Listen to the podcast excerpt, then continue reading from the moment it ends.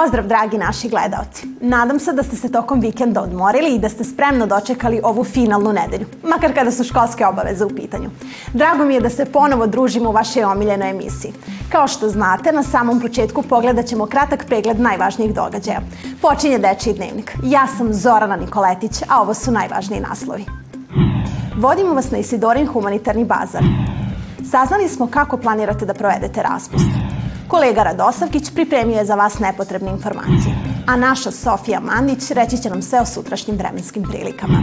Kažu da čovek postaje veliki shodno stepenu na kojem radi za dobrobit drugih ljudi. Nesumnjivo je da će drugari iz gimnazije Isidora Sekulić u Novom Sadu postati veliki ljudi, jer svake godine organizuju humanitarni bazar i tako svojim primjerom pokazuju koliko je važno da brinemo i pomažemo jedni drugima.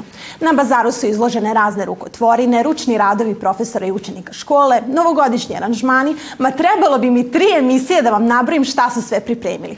Naravno, svi ste pozvani da do 22. decembra posetite ovaj humanitarni bazar i date svoj doprinos. A sada je vreme da slikom odemo do Isidorine gimnazije i saznamo više detalja. Kao i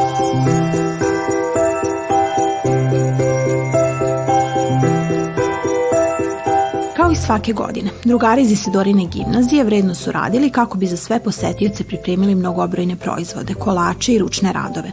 Isidorin bazar se godinama unazad realizuje u ovoj školi, a prikupljena sredstva biće prosleđena organizaciji Nurdor, Novosadskom svratištu, ali i deci sa Kosova i Metohije.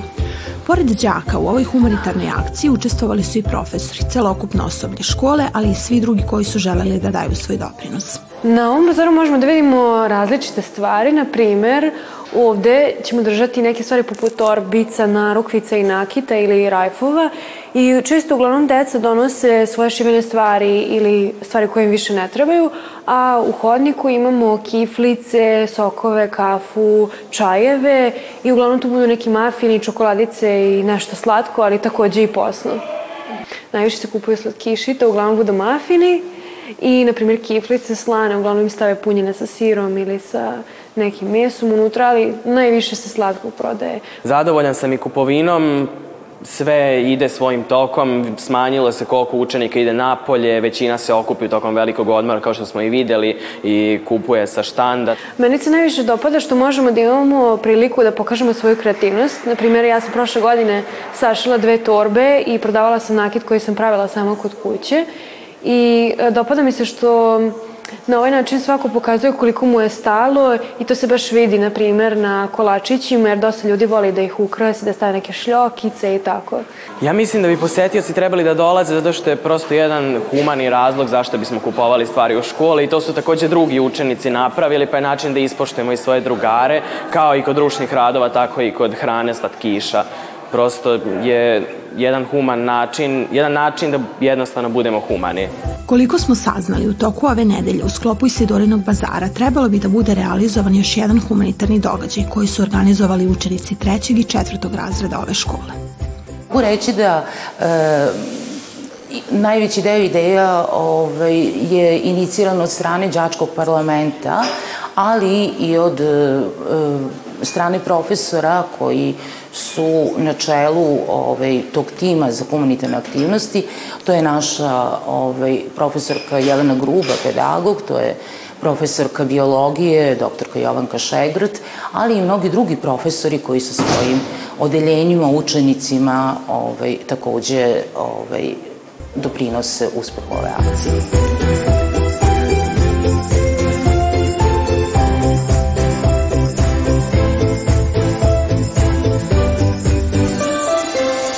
Dragi drugari, pozivamo sve da dođete u našu školu do 22. decembra od 7.30 ujutru do 19.25 časova uveče u gimnaziji Isidora Sekulić u Novom Sadu.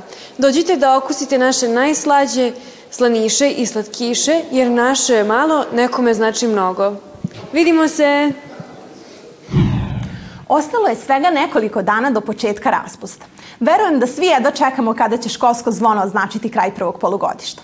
Sigurna sam da već znate kako ćete provesti raspust. Ipak su to samo tri nedelje. Trebalo bi da ih iskoristimo na najbolji mogući način. Zar ne?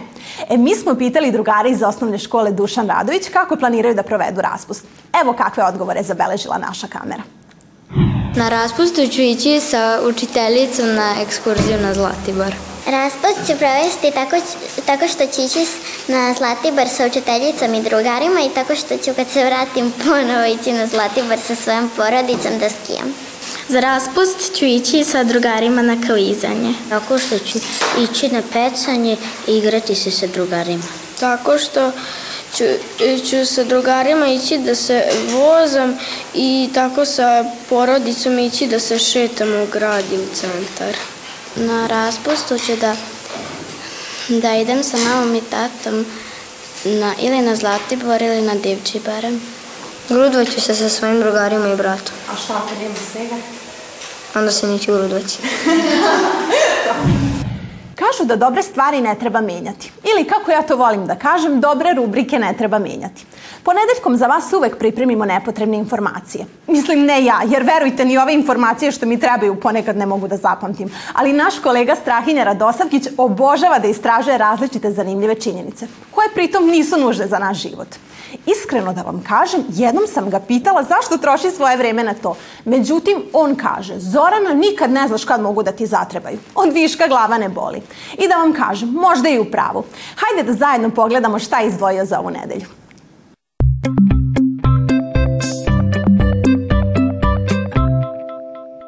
Pozdrav svima! Prošle nedelje smo govorili o dočeku nove godine, a sada su na rede došle zanimljivosti o Božiću. Prvi Deda Mraz se pojavio 1823. godine u istoimenoj pesmi Klemenita Mura. Međutim, Deda Mraz kakvog danas poznajemo se prvi put pojavio u reklami Coca-Cola 1931. godine. Film Sam u kući se najviše povezuje sa Božićem. On je čak ušao u Guinnessovu knjigu rekorda kao najpopularnija porodična komedija na svetu. Najpopularniji Jelen Rudolf je rođen 1939. godine. Tada je Robert May, koji je posledao lanac Montag Mary Ward, prodavnica napisao knjigu o avanturama ove životinje sa crvenim nosom. Ona je postala veoma popularna. Božić se širom sveta proslavlja na najrazličitije načine. Pre svega, on je izvorno hrišćanski praznik, ali različiti delovi sveta slave Božić u skladu sa svojim verovanjima i tradicijama. Sigurno sam da je većini poznato da se Božić ne slavi istog datuma kod hrišćana, katolički se obeležava 25. decembra po Gregorijanskom, a pravoslavni 7. januara po julijanskom kalendaru. Svakako, suština je ista. Proslavlja se rođenje Isusa Hrista. U Španiji je jedna od božićnih tradicija božićna lutrija. Godišnje takmičenje pod nazivom El Gordo je nastalo 1812. godine i druga je najduža organizovana lutrija na svetu. Najveći božićni poklon na svetu je kip slobode. To je bio poklon koji je Amerika dobila od Francuske za Božić. Težak je oko 225 tona i zato se smatra najvećim božićnim poklonom. To bi bilo sve što sam pripremio o Božiću. I ja sad idem da se odmorim jer počinje zimski raspust. Uživajte u svim novogodišnjim praznicima i vidimo se sredinom januara. Doviđenja. A da bi ova emisija bila kompletna, moramo da saznamo kakvo će vreme biti sutra. Istina, vremenska prognoza je nekad tačna, nekad ne. Valjda se zato zove prognoza. U svakom slučaju, vreme je da saznamo do kakvih je meteoroloških podataka stigla naša draga koleginica Sofija Mandić. Sledi vremenski izveštaj.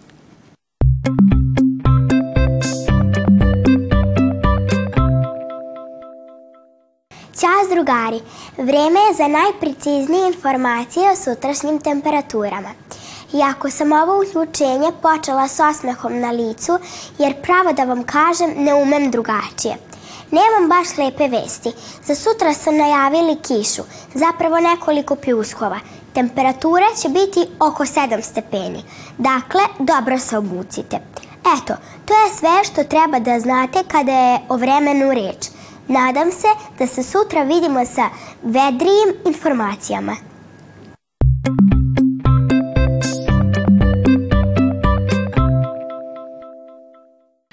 Hvala vam što je Dečiji dnevnik i ove večeri bio vaš izbor. Trudit ćemo se da i u narednim emisijama opravdamo vaše poverenje.